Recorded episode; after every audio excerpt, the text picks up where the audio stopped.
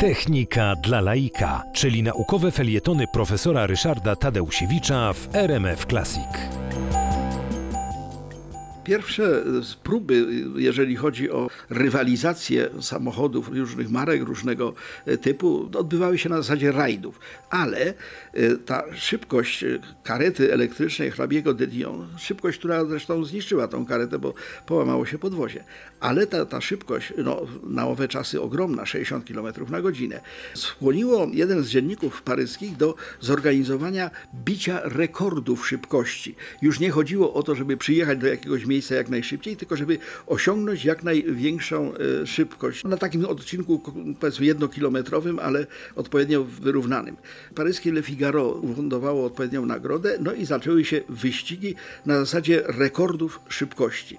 E, pod Achon, e, pod Paryżem, ale w takiej miejscowości Achon, był akurat taki fragment idealnie gładkiej drogi o długości nieco więcej niż jeden kilometr.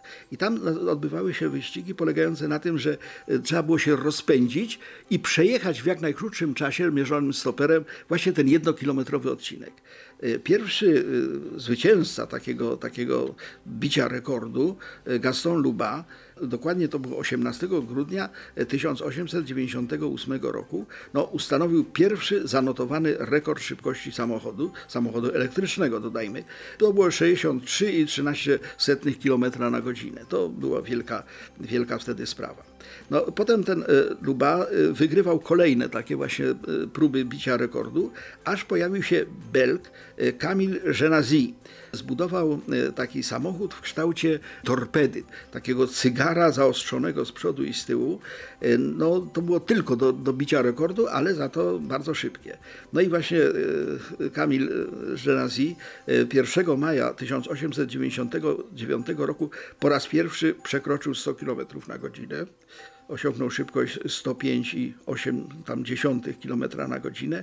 No i potem to była wielka już radość. Ale niestety radość Francuzów trwała krótko, dlatego że jak samochody elektryczne zaczęły święcić triumfy w Europie, to się pojawiły także w Stanach Zjednoczonych. I właśnie kolejny rekord szybkości został ustanowiony już na samochodzie amerykańskim. E, Walter Becker osiągnął 121 km na godzinę. Dzisiaj to jest no, śmieszne, ale po prostu taka była wtedy szybkość w 1902 roku. I od tego czasu samochody elektryczne przeszły z Europy do Stanów Zjednoczonych, gdzie też święciły triumfy.